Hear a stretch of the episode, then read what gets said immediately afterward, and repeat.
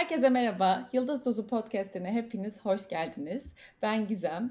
Ee, anne bebek serimizde benim çok heyecanla beklediğim konuklardan birisi var. Rayza var. Rayza Uzun Yol ekranın öbür tarafında. Hello Rayza'cığım nasılsın? Hoş geldin. Hoş bulduk Gizem. İyiyim. Sen nasılsın? Davetin için çok teşekkür ederim. Ben icabet ettiğin için çok teşekkür ederim. Ben de iyiyim.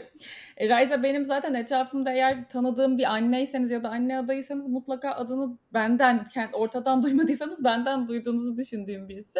Yani herhalde böyle günde 2-3 kişiye falan bir Rayza ile mi görüşsen acaba? Bir onun postlarını oku istersen de bir onu takip et. Ama sen en iyisi onunla görüş falan dediğim birisi gerçekten. Özellikle bu BLV, Baby Led Weaning'e e, birazcık ilgi duymaya başladığımdan beri benim çok severek takip ettiğim ve çok güvendiğim bir e, kaynak Raysa. O yüzden de zaten birazcık bundan bahsedeceğiz.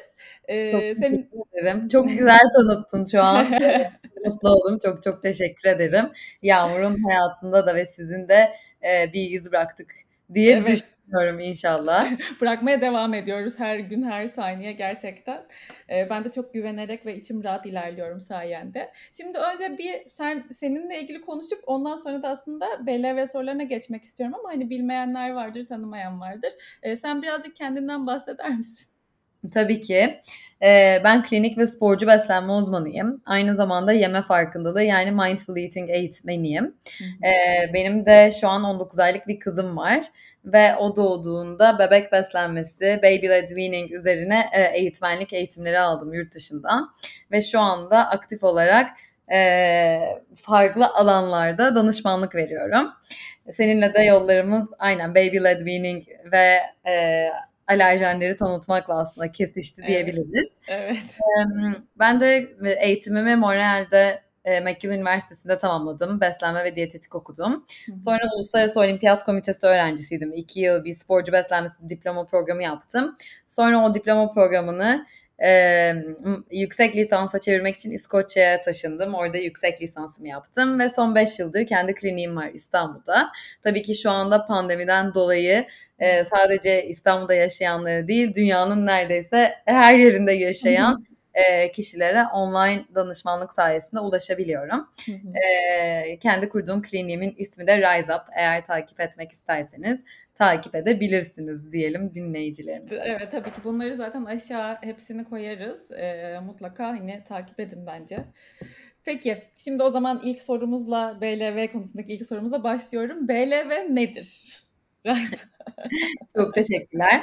BLV açtığımız zaman Baby Led Weaning ve tam Türkçe'ye çevirdiğimizde anlamı bebek önderliğinde, weaning kısmı anne sütünden veya e, mamadan kesme anlamına geliyor aslında.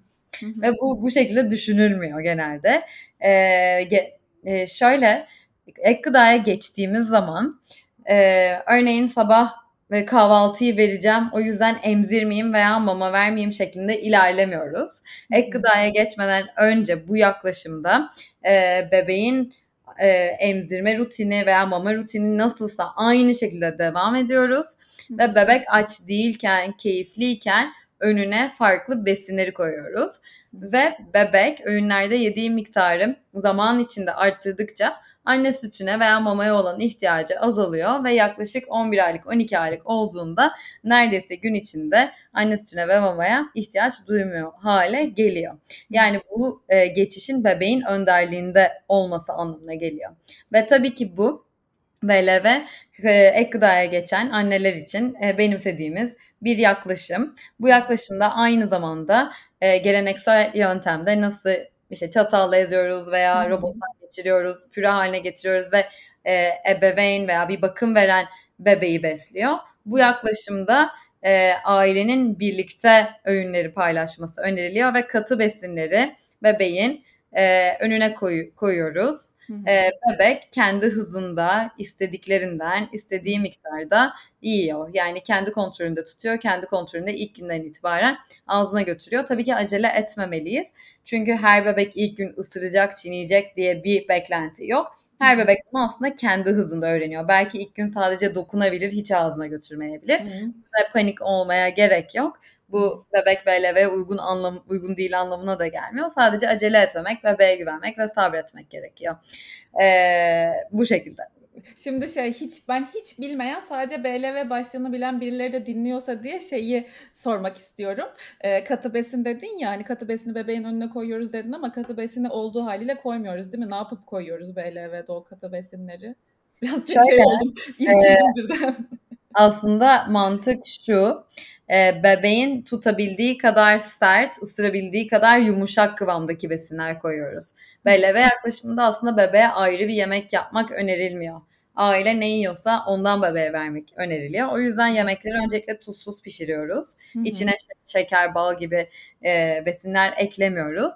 Ve rahat tutabileceği şekilde kesiyoruz. Yani örneğin bir zeytinyağlı kabak yapacaksak bunu çok rahatlıkla verebiliriz. Her şey buharda pişmeli diye bir kayda kesinlikle yok. Hı hı. Ama zeytinyağlı kabak yaparken örneğin ilk 6-9 arası bebekler daha çok avucuyla kavrayıp ağzına götürüyorlar. O yüzden küp küp doğramayacağız. Serçe parmağımızın uzunluğunda doğrayabiliriz ki önüne koyduğumuz zaman onu rahatça kavrayabilsin, rahatça ağzına götürebilsin. O yüzden pişmiş sebzeler, olgunlaşmış meyveler, e, yumuşak kıvamda olduğu için işte köfteler, omletler, mücverler e, bütün bunların hepsi uygun. Tabii ki örneğin evde patates püresi varsa eğer ailece o gün bunu yiyorsak veya yoğurt varsa bunları da bebeğe veriyoruz. Burada da e, bebeğe e, be, kaşığı ağzına götürmek yerine kaşığı ebeveyn dolduruyor bebeğe doğru uzatıyor. Bebek tutup kendi kontrolüne kendi ağzına götürüyor. Belki ilk birkaç kez belki kafasına götürür veya yanlış bir yere götürür ama Hı-hı. pratik yaptıkça bunu hızla aslında öğreniyorlar.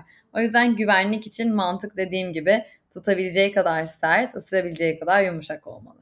Tamam süper. Şimdi tabii e, aslında ben birkaç tane soru planlamıştım ama sohbet başka şekilde sorularımın sırası değişiyor yani. Geldikçe o yüzden aklıma hemen sormak istiyorum. Ee, şimdi bu anlattığın şeyleri dinleyen birisi şunu düşünebilir ki biliyorum bilen birileri de düşünüyor. Yani bu tehlikeli değil mi? Birazcık. Evet genelde aileler kaygılı geliyorlar. Evet. Ee, işte bunu çok yapmak istiyorum. Bebeğim kendi kendini beslesin istiyorum ama işte e, ya boğazına kaçarsa ben ne yaparım? Hı-hı. Şöyle e, araştırmalara baktığımızda baby led weaning ve püreyi karşılaştıran yani geleneksel metodu karşılaştıran araştırmalar var. Ve önce anlamamız gerekiyor ki belle ve püreye göre daha riskli değil tıkanma açısından. Ee, ve önemli burada önemli olan bilinçli ilerlemek.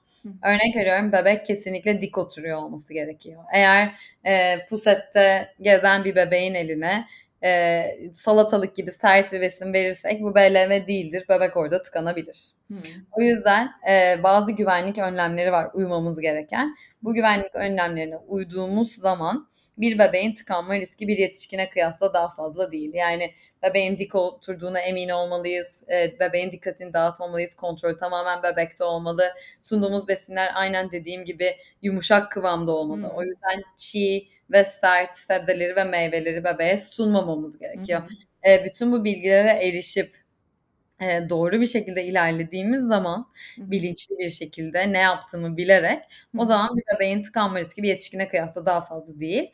E, burada da yine de ben bütün ailelere, ebeveynlere şunu söylüyorum. İlk yardım eğitimi alın. Evet. Çünkü e, zaten tüm tıkanmaların %50'si besin kaynaklı bile değil. Yani bir bahçeye, parka bahçeye gideriz. Ufak bir objeyi pat diye ağzına atabilir ve tıkanabilir. O yüzden aslında genel anlamda e, ilk yardım eğitimi almamız önemli olduğunu düşünüyorum. Ve ilk yardım eğitimi almış bir ebeveyn en azından diyor ki tamam hani e, bir şey olma olasılığı çok çok çok çok düşük. Bu pürede de olabilir, annesinde de tıkanabilir, katı besinde de tıkanabilir ama ne başına bir şey gelirse en azından ben ne yapacağımı biliyorum. Kesinlikle. Bu da insanın kendine olan e, güvenini arttırdığını düşünüyorum. Kesinlikle. Biz e, bu seriye Deniz, Deniz Karadeniz de, Deniz Hanım da katılacak. Ben de ondan almıştım eğitimi. Daha hani ortada beslenmeyle ilgili bir şey bile yokken. Ve beni o çok rahatlattı diye düşünüyorum. Bizde çünkü şey olmuştu, daha e, süt içiyordu.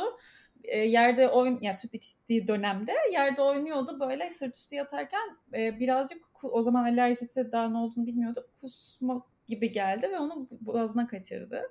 Ama böyle benim için çok büyük travmatik bir tecrübeydi. Eşim için de öyle. Ondan sonra Deniz Hanım'la zaten yazışıyorduk ama dedim ki bakın Deniz Hanım beni ne olur acil al, alın çünkü çok yani elim ayağım boşaldı. Bu bir işaret hemen yapmamız, görüşmemiz lazım falan deyip onun üzerine yaptık.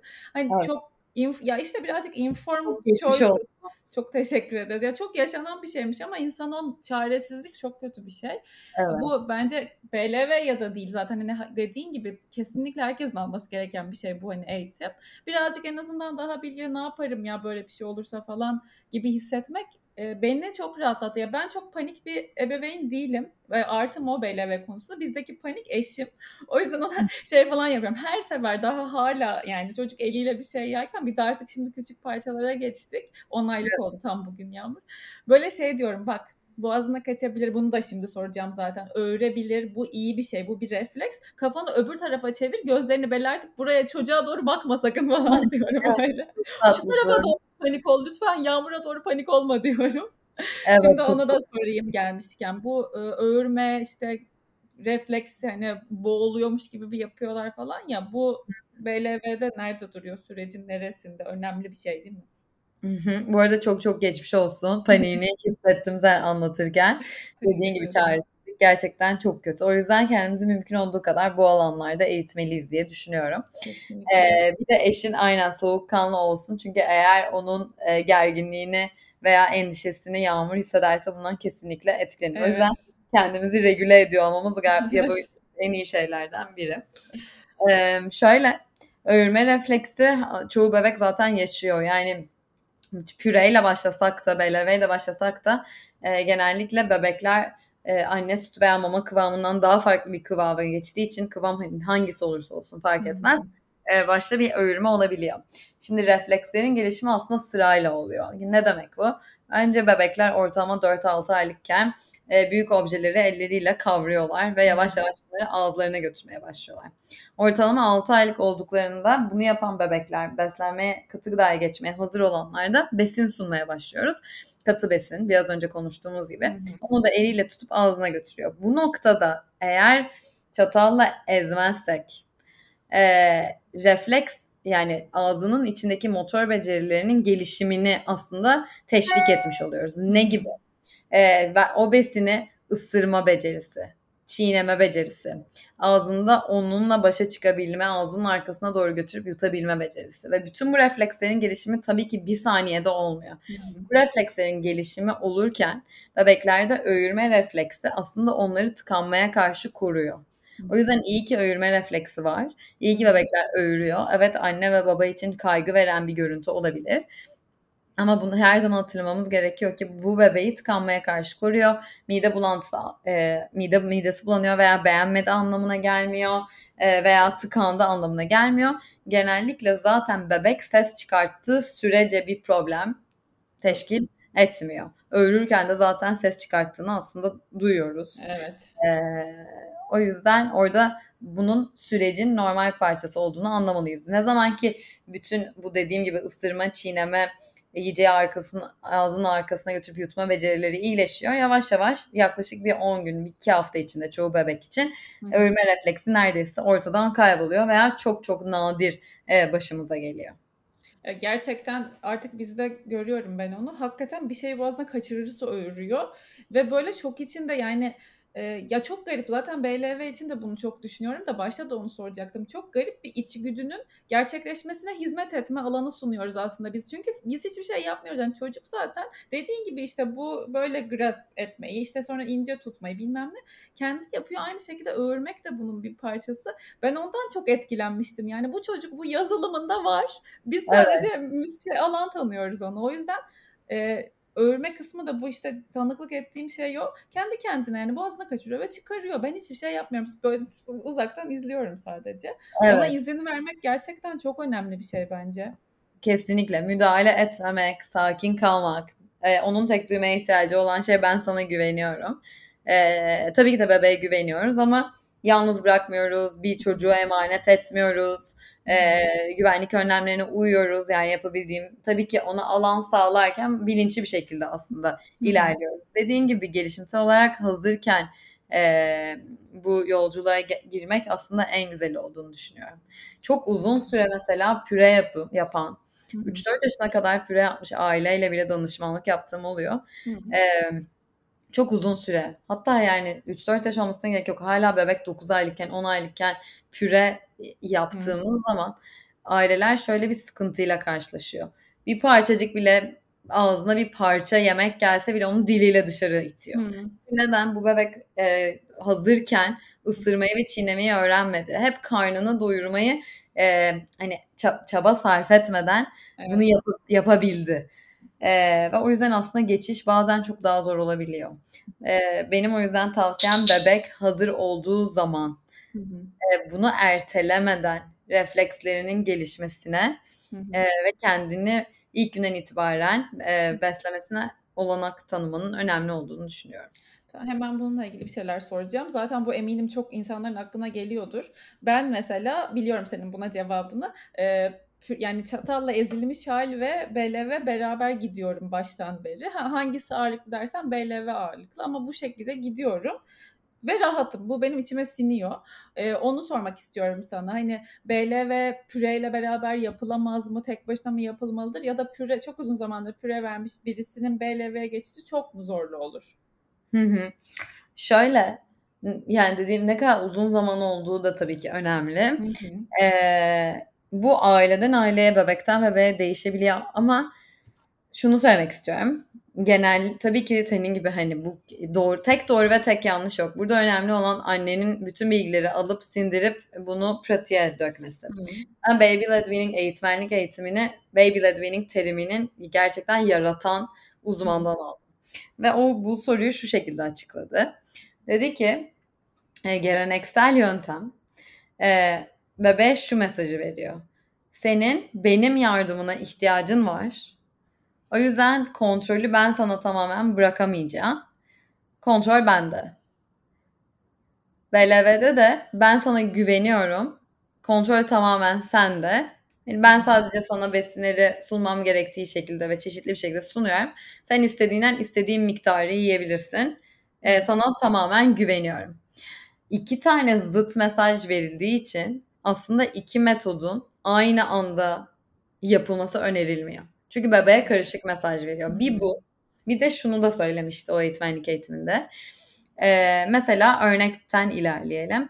Diyelim ki e, çatalla avokadoyu ezdim. Eş zamanında bir dilim avokado önüne koydum. Hı hı. Ona bunu yediriyorum. Bu yine bebeğe karışık mesaj veriyor. Neden? Çünkü e, ben ona yediriyorum ve onun yemeği o zaten püre gibi görüyor onu. Önüne koydum avokado dilim onun için bir oyun. Yani oyuncak koymaktan aslında hiçbir fark yok. Onu alıp onu ağzına götürüp onunla beslenebilmesini anlama sürecini aslında çok uzatmış oluyoruz.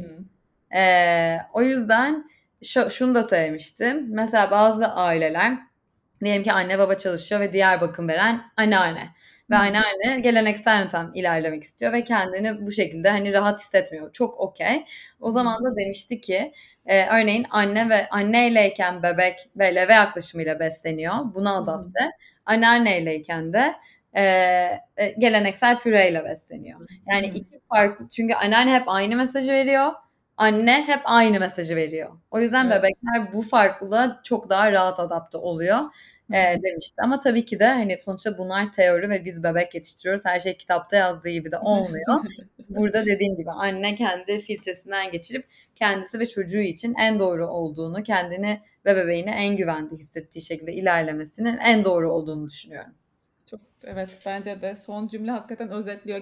BLV değil aslında bütün ebeveynlik süreciyle ilgili evet. yaklaşımın hepsine uyarlayabiliriz bunu. Yani önce bilgi sahibi olup sonra sentezleyip kendin biraz da iç sesinle herhalde ilerlemek en doğrusu. Şu 10 aylık tecrübemden ben bunu anladım yani. Kesinlikle öyle. Bir de bazen yani anneler grubuna sormak yerine ben uzmana sorma taraftarıyım. Çünkü çok güzel bir şey tecrübelerimizi paylaşıyor olmak ama özellikle bu sağlıkla ilgili bir şeyse, e, önemli bir kararsa ben kesinlikle hani uzmana sorma taraftarıyım. Çünkü herkes kendi deneyimini paylaşıyor ve e, senin Yağmur'la olan deneyimin, benim Olimpiya'yla olan deneyimim başka bir anne ve e, bebek için aslında uygun olmayan bir deneyim bile olabilir. O yüzden bence hani bizi rutin kontrol eden uzmanların e, yorumlarını alıyor olmamız en sağlıklısı diye evet. düşünüyorum. Kesinlikle. Şimdi hemen benim de e, cevabını gerçekten bilmediğim bir soru soracağım. E, mesela ben de BLV yapıyorum işte bazı şeyleri dediğim gibi kaşıkla veriyorum falan ama ben hiç Yağmur'a yani birkaç kez kaşığı verdim. Onda da işte kafasına sürdü yere attı falan ve hani yemek o kaşık, kaşıktaki şeyi alamadı. Ama mesela ben onu atıyorum çorba yapıyorum. Çorba yaptığım zaman da onu yiyebilmesini istiyorum. Galiba bardak da sunulabiliyormuş. Bu kaşık ve bardağı e, nasıl entegre edebiliriz ve ne kadar bir zamanda ne bay mesela şu an ben bardağı alıp da çorbayı bardaktan içtiğini düşünemiyorum bile. Yani nasıl oluyor o süreç? Hı hı. Hemen anlatıyorum. Bebekler ortalama 6 aylık olduğunda ve katı gıdaya geçmeye hazır olduklarında ne zaman ki ilk öğünden itibaren örneğin yumurtayla başladım diyelim hı hı. ya da köfte her neyse e, yemeğini sunarken önüne hı hı. bir tane açık pardon bardakta su da koyuyoruz. Hı hı. Ve tabii ki de o 6 aylık bebek iki eliyle kavrayıp direkt ağzına götüremez. O yüzden annenin ya da bakım verenin e, yardımıyla onun ağzına doğru götürüyoruz ve içmesine yardımcı oluyoruz. O yüzden ilk günden itibaren artık alıştırma kap, e, bardakları önerilmiyor. İlk günden itibaren açık bardak veya direkt kamıştan içmeyi öğretmek öneriliyor. Hmm ki e, bu beceriyi kazanabilsin diye.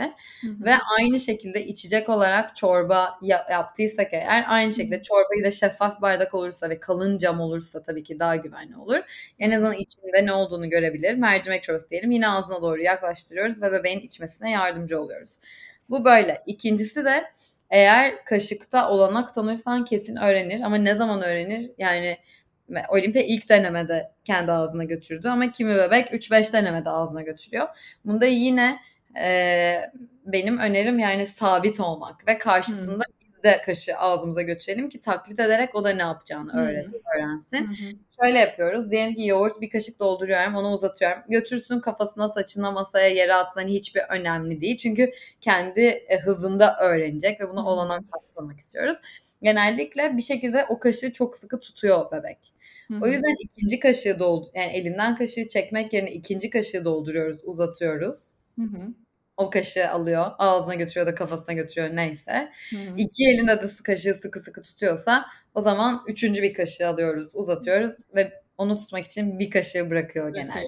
Anladım. Ee, bu şekilde ee, o yüzden ortalama 6 aydan itibaren yani bunu Yağmur'a birkaç kez yaptığında kesinlikle öğrenir. Hadi bakalım. Şey Aynen. süreçte paylaşacağım bardağı tuttuğumu kaşığına. Ya ver, bardağı ben hep evet. falan açık bardakla verdim hep de hiç ona tamamen bırakmadım. Çorba için hiç öyle bir şey denemedim bile. Onu Onun için erken zaten ortalama bir hani yaşından sonra küçük bir bardağı tutup öğreniyor. Onu da ne kadar güçle o bardağı tutmalı, ne kadar hızlı getirmeli hepsi pratik yaptıkça öğreniyor. Ee, ve hepsi süper motor becerileri ama bunun da öğrenmesi için olanak tanımamız gerekiyor. Olanak tanırken de her taraf ıslanıyor ve kirleniyor. Hazır yaz dönemindeyken bence e, gerçi daha 10 aylık yok. 2 ay falan daha beklemen lazım. Kendi tutup götüremeyecek. Ama aramızda hani 12, 13, 14 aylık bebekler varsa yaz döneminde deneyebilirler. Bak bari onunla ilgili de bir sorun vardı. Bu süreçte nelere hazırlı olmak lazım? Yani şey kirlenmek ya zaten beyleme dedin mi direkt insanın aklına böyle ağzına burnuna işte böğürtlenler falan bulaşmış şey pislik içinde bir bebek görüntüsü geliyor. Hani evet. bu şaka bir yana hani bu e, kirlenmenin dışında da hani hem kirlenme hem de onun dışında nelere hazırlık olmak lazım bu BLV'ye başlamadan önce? Hı hı. Şöyle e, bir yani etraf bebeğin kirlenmesine izin vermeliyiz. Bu bebeğin çünkü bebekler elleyerek, dokunarak, e, bakarak, belki cildine sürerek besinlerle tanışıyorlar. O yüzden yemeğle sağlam bir ilişki kurmaları için buna kesinlikle olanak tanımalıyız ve bebeği her saniye temizlememeliyiz. Bebek yalnızca bir defa temizleniyor. Ağzına kaşık falan da sürmek önerilmiyor. Çünkü bütün bunların hepsi devamlı bebeği silmek, ağzını kaşıkla silmek besinlerden tiksinmeye yol açabiliyor. Yani hmm. iyi bir şey yapacağım diye daha kötü bir şey yapıyor olabiliriz. O yüzden bırakın kirlensin. Özellikle yaz dönemindeyse beslenme yani bir tek bezi olsun üstünde. Kirlensin kirlensin ve götürün duşa bitti bile. Hmm. Ee, o yüzden kirlenmeye izin vermek. Böyle iğreniyormuş gibi e, surat ifadelerinde bulanmamak. Ben hep evet. kirlenmek Kirlenmek çok güzel. istediğin kadar kirlenebilirsin. 19 aylık hala istediği kadar kirlensin. e, elleyebilir e, eliyle bazen karpuzun böyle suyunu sıkıyormuş gibi yapıyor ağzına götürüyor falan. Aşırı hoşuma gidiyor yani. Onu keşfetsin yeter ki. Çünkü onun için ne kadar faydalı olduğunu biliyorum bunu. Evet. Ee, başka neler bekliyor?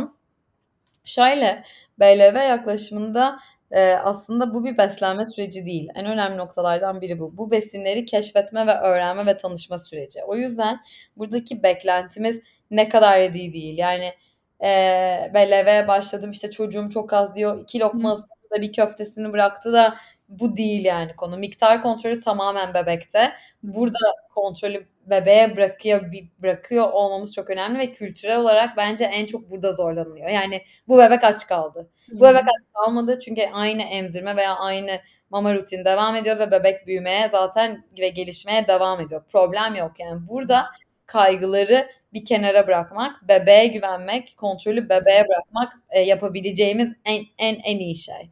Zaten zaman içerisinde artık, artık hani bir yaşına geldiği zaman önlerde yediği miktarı arttırmış olacak. Ama 6-12 aylık mükemmel bir süreç var yeme besinlerle tanışmamız için.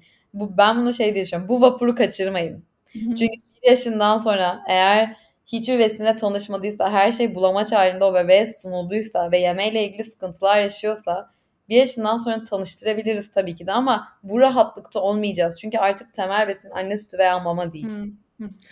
Ya işte bu çok önemli bir konu. Ben de benzer bir tecrübeden geçtiğim için hani bir alanda. Şimdi önce sana onu sormak istiyordum zaten. Bizim ilk bir yılda BLV ya da püre onu da belirtelim. Ee, ek gıdadan beklentimiz ne olmalı? Normal gelişen bir bebekten bahsediyorum yani. Sadece keşfetsin, oynasın, e, istiyorsa ağzına götürsün, istiyorsa götürmesin, her taraf kirlensin. E, ama burada burada önemli olan şey ya zaten yemiyor ben en iyisi sunmayayım. Olma, olamaz böyle bir şey. Yani biz o çeşitliği sunmak zorundayız. Bu bizim görevimiz. Yedi veya yemedi de o artık tamamen bebeğin kararı. Ee, herhangi bir oyun, herhangi bir kandırma bunların hiçbirini kesinlikle yapmıyoruz. Ee, sevdi, sevmedi terimleri kullanmıyoruz. Çünkü bebeğin bir besini sevip sevmedi, sevmemi, sevmediğini anlamak için 15 defa denememiz gerekiyor. Hı hı. O gün onu ağzına bile götürmediyse okey bunu bugün yadırgadın diyoruz ve e, yani rahat, rahat olmak, mutlu anne, mutlu bebek mantığı evet, gibi. Evet. Keyifli bir süreç, acayip deneyimsel. E, kontrolün bebekte olduğu, annenin sakin ve mutlu olduğu, gurme bebeklerin yetiştiği, yemek masasında oturmayı bilen, e, bu kültüre adapte olmuş minik minik bebeklerin yetiştiği bir e, serüven aslında. Evet çok güzel özetledin gerçekten. Peki ee, şeyi de aslında birazcık söyledin ama onu da yine de net bir soru olarak sorayım. Çok porsiyonların, ölçülerin e, bir önemi yok değil mi bu süreçte? Keşfetmesine alan sağlayalım dediğimiz için aslında hani bundan da özellikle ilk bir sene bir kilo alımı hani büyük bir şey beklentimiz olmadığı için bırakıyoruz. Bazen bir köfte koyuyorsun çeyreğini yiyor. Yağmurda da ben öyle oldum yani. Çeyreğini bile değil bir çay kaşığı kadar falan yiyordu. O konuda beni sen rahatlatmıştın. O yüzden bir kayıt altında da olsun istiyorum bunlar. Tabii ki de.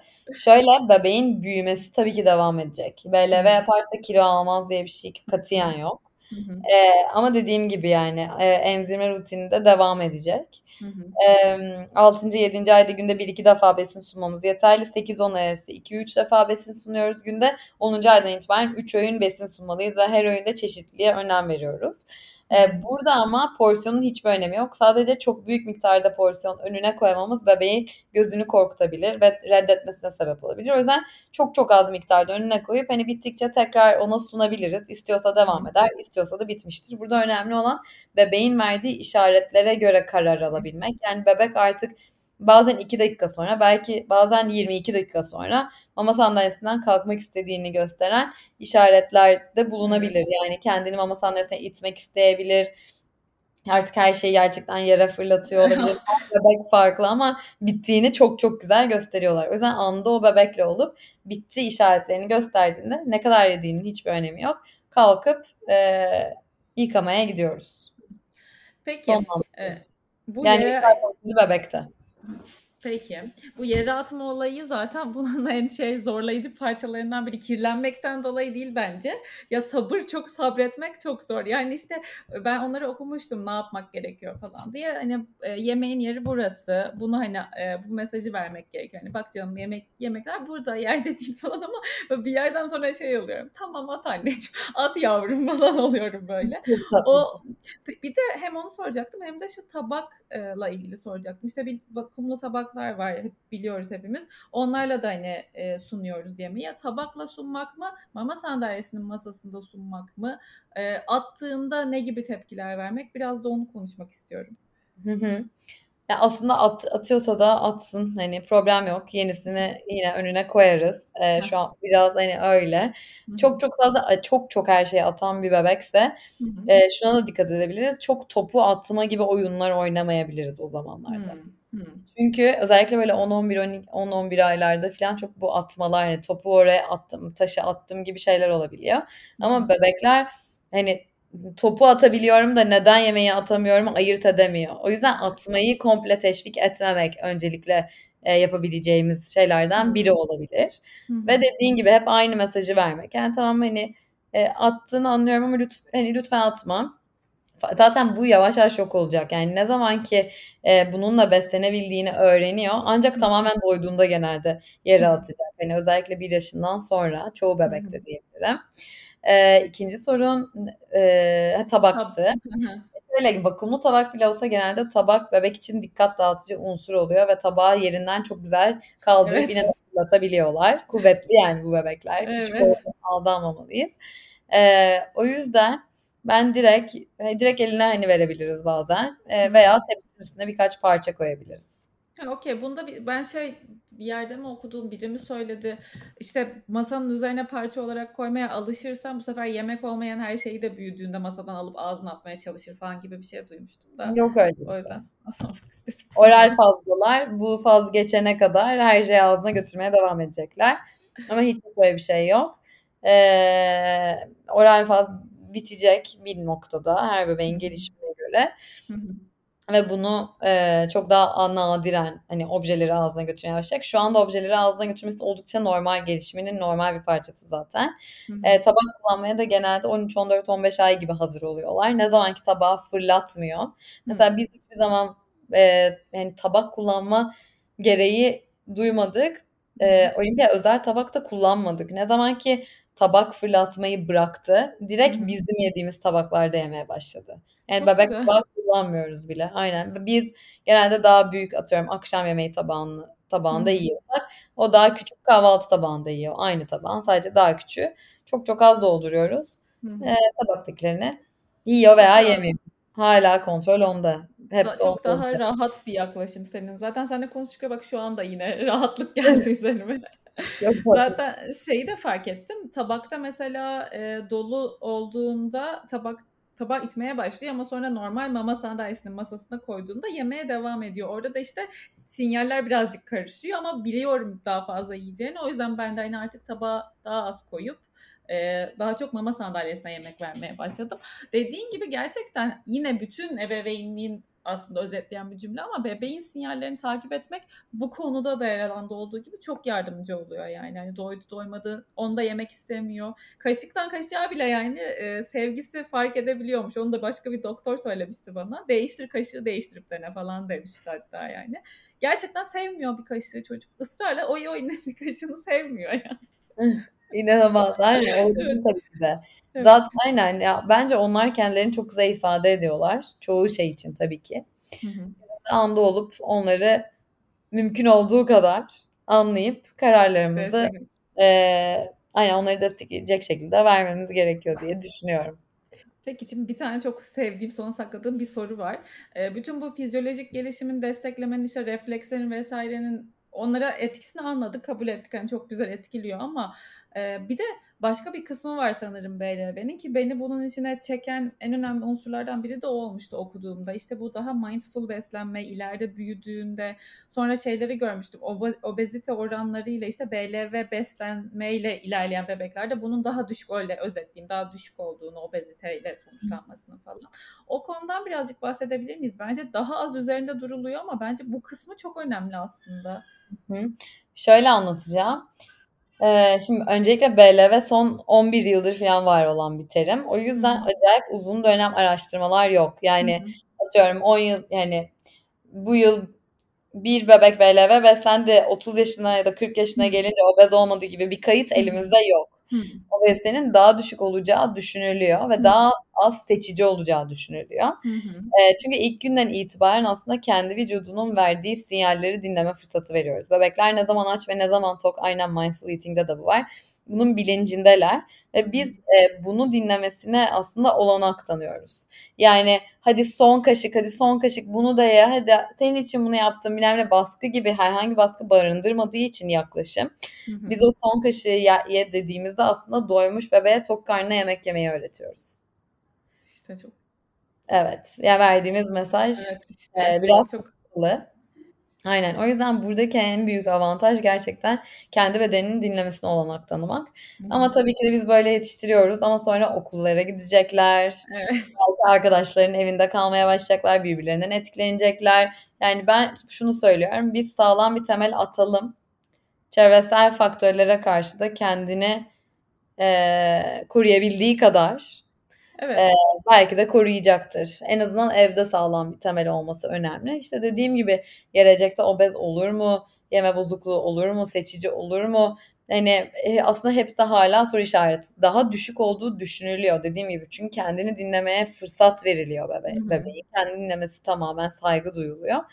Ama hani bilmem belki bir öğretmeni olur ve her öğün onu zorlar yani bir şeyler Evet. Yapmaya ve kendi vücudundan uzaklaşmak zorunda kalır. Neyle karşılaşacağını bilmiyoruz ama atabildiğimiz, kontrol edebildiğimiz şeyleri e- elimizden gelen en iyi şekilde ona Tabii. sunmaya çalışıyoruz. Artık birazcık hayata onu teslim etmekte zorunda E, tabii. En Biraz azından cephanesi, bilgi anlamında cephanesi sağlam olacak kendi Evet. ilk tecrübelerinden. Bence o da geri kalanında inşallah bütün bebekleri, hepimizin çocuğunu e, korur ve güzel bir şekilde devam etmelerini, yolda daha rahat, mutlu hissederek devam etmelerini sağlar diye umut ediyorum. İnşallah. Amin. İnşallah, inşallah. Ve her konuda içinde zaten bunun geçerli olduğunu düşünüyorum. Biz elimizden geleni yapıyoruz ama bundan sonrası artık Kesinlikle. hayata kal- kalmış. Aynen. Peki o zaman bir de son sorumu sorayım. Şimdi bu BLV konusunda e, yani kimlerden danışmanlık alınabilir? Şu anlamda soruyorum hani atıyorum uzman nedir aramamız gereken e, şey ve aynı şekilde seninle görüşmek isteyen birisi hangi adımları atıp nasıl e, ilerleyebilir? Ee, çok teşekkürler. Ee, şöyle e, yani kesinlikle bir uzman olması gerekiyor bu kişinin. Yani ya klinik beslenme uzmanı olsun ya doktor olsun. Ee, ve tabii ki de her klinik beslenme uzmanı mesela ben de klinik beslenme uzmanıyım ama BLV eğitmenlik eğitimi almadan Evet. önce bana mesela ben bu eğitimleri almadan önce benden daha önce çocuğu olan arkadaşlarım hep yazıyordu. Hadi katı gıdaya nasıl geçelim öğret. Ben bu benim uzmanlık alanım değildi ve e, klinik beslenme uzmanı olsam bile yeteri kadar donanımlı değildim. O yüzden hiçbir arkadaşıma e, bu konuda maalesef destek olmadım. Şimdi bütün arkadaşlarıma sonsuz destek sunabiliyorum. Çünkü donanımlı hale getirdim kendimi. Hı. Eğit aldığım, yurt dışından aldığım eğitmenlik eğitimleriyle. Ee, yani dediğim gibi bu bir uzman olabilir ve burada sormamız gereken hani bu konuda aldığınız herhangi bir eğitmenlik eğitimi var mı? Çünkü yani her konuda, her alanda e, inanılmaz uzman olmamıza gerek yok açıkçası. Hı hı. E, o yüzden bu tarz kişilerle artık kim aldıysa e, onları araştırıp bulabiliriz. Ve tanıdığım açıkçası yok. O yüzden bilmiyorum. E, bir eğer benden danışmanlık almak isterlerse Hı hı. iki şekilde olabilir. Bir bireysel danışmanlık veriyorum. E, bireysel danışmanlıkta BLV'yi ta- ilk seansımızda komple teoriyi detaylı bir şekilde anlatıyorum. İkinci seansımızda aile isterse e, menü yapıyorum. Şimdi 3 Hı. aylık bir paket de çıkarttım. 3 aylık paket gerçekten hani e, bebeğin komple e, hani daha sık menü planlama, daha sık iletişimde kalma, e, bir yaşına geldiği zaman da aslında o 3 aylık paketi ben e, 3 aydan daha fazla sürüyor. Bir Hı yaşına hı. kadar getiriyoruz bebeği. Bir yaşına gelince nelere, e, neler değişiyor, neler farklılaşıyor. E, bütün bunların hepsini hani 6 aydan 1 yaşına kadar ve sonrası Hı. bilmesi gereken her şeyi e, aktarabildiğim farklı bir paket de hazırladım. Bunlar bireysel danışmanlıklar. Hı Bir de e, 3-4 ayda bir grup eğitimi açıyorum. Bir sonraki eğitim de Eylül'de olacak. Hı. Grup eğitimleri de çok çok verimli geçiyor. Orada e, daha çok ve teoriyi tabii ki anlatıyorum. Hani aileye özel bir menü değil ama menü planlamanın mantığını da orada öğretiyorum. Hı. Genelde o seanstan sonra ihtiyaç duyanlar e, menü planlama için birebir de iletişime geçiyor oluyorlar. E, grup eğitimi, bireysel danışmanlık, podcastler hepsi Evet. bilgilendirici olabilir. E, ve iletişime geçmek istiyorlarsa hani riseup.co Eee, web sitesinden veya Rise Up Yazarız. aynı şekilde hani Instagram'ımızdan bizimle iletişime geçebilirler. Tamam, süper. Valla çok teşekkür ediyorum bu güzel bilgileri tatlı tatlı anlattığın için. Eminim böyle azıcık kafası karışık birileri falan varsa da daha bir yerli yerine oturmuş, oturmuştur. Ee, çok iyi oldu. Ben dinlemek isterdim zamanında. Ben BLV bir podcast falan görmemiştim çünkü Türkçe. Ee, inşallah ihtiyacı olanı bulur ve faydalı olur. Sana çok çok teşekkür ediyoruz bütün bilgilerden dolayı. Ben teşekkür ederim Gizemciğim. Çok çok keyifliydi seninle bu sohbeti yapmak. Ee, ben de diğer yapacağın çekimleri dinlemek için heyecanlıyım. teşekkür ediyorum. o zaman bölümü sonlandırıyorum. Dinleyen herkese çok teşekkür ediyoruz. İnşallah güzel bir bölüm olmuştur. Keyifle dinlemişsinizdir. Ee, bahsettiğimiz bilgileri işte e, maili, Instagram sayfasını her şeyi açıklamalar kısmında bulabilirsiniz. Bir sonraki bölümde görüşmek üzere. Hoşçakalın.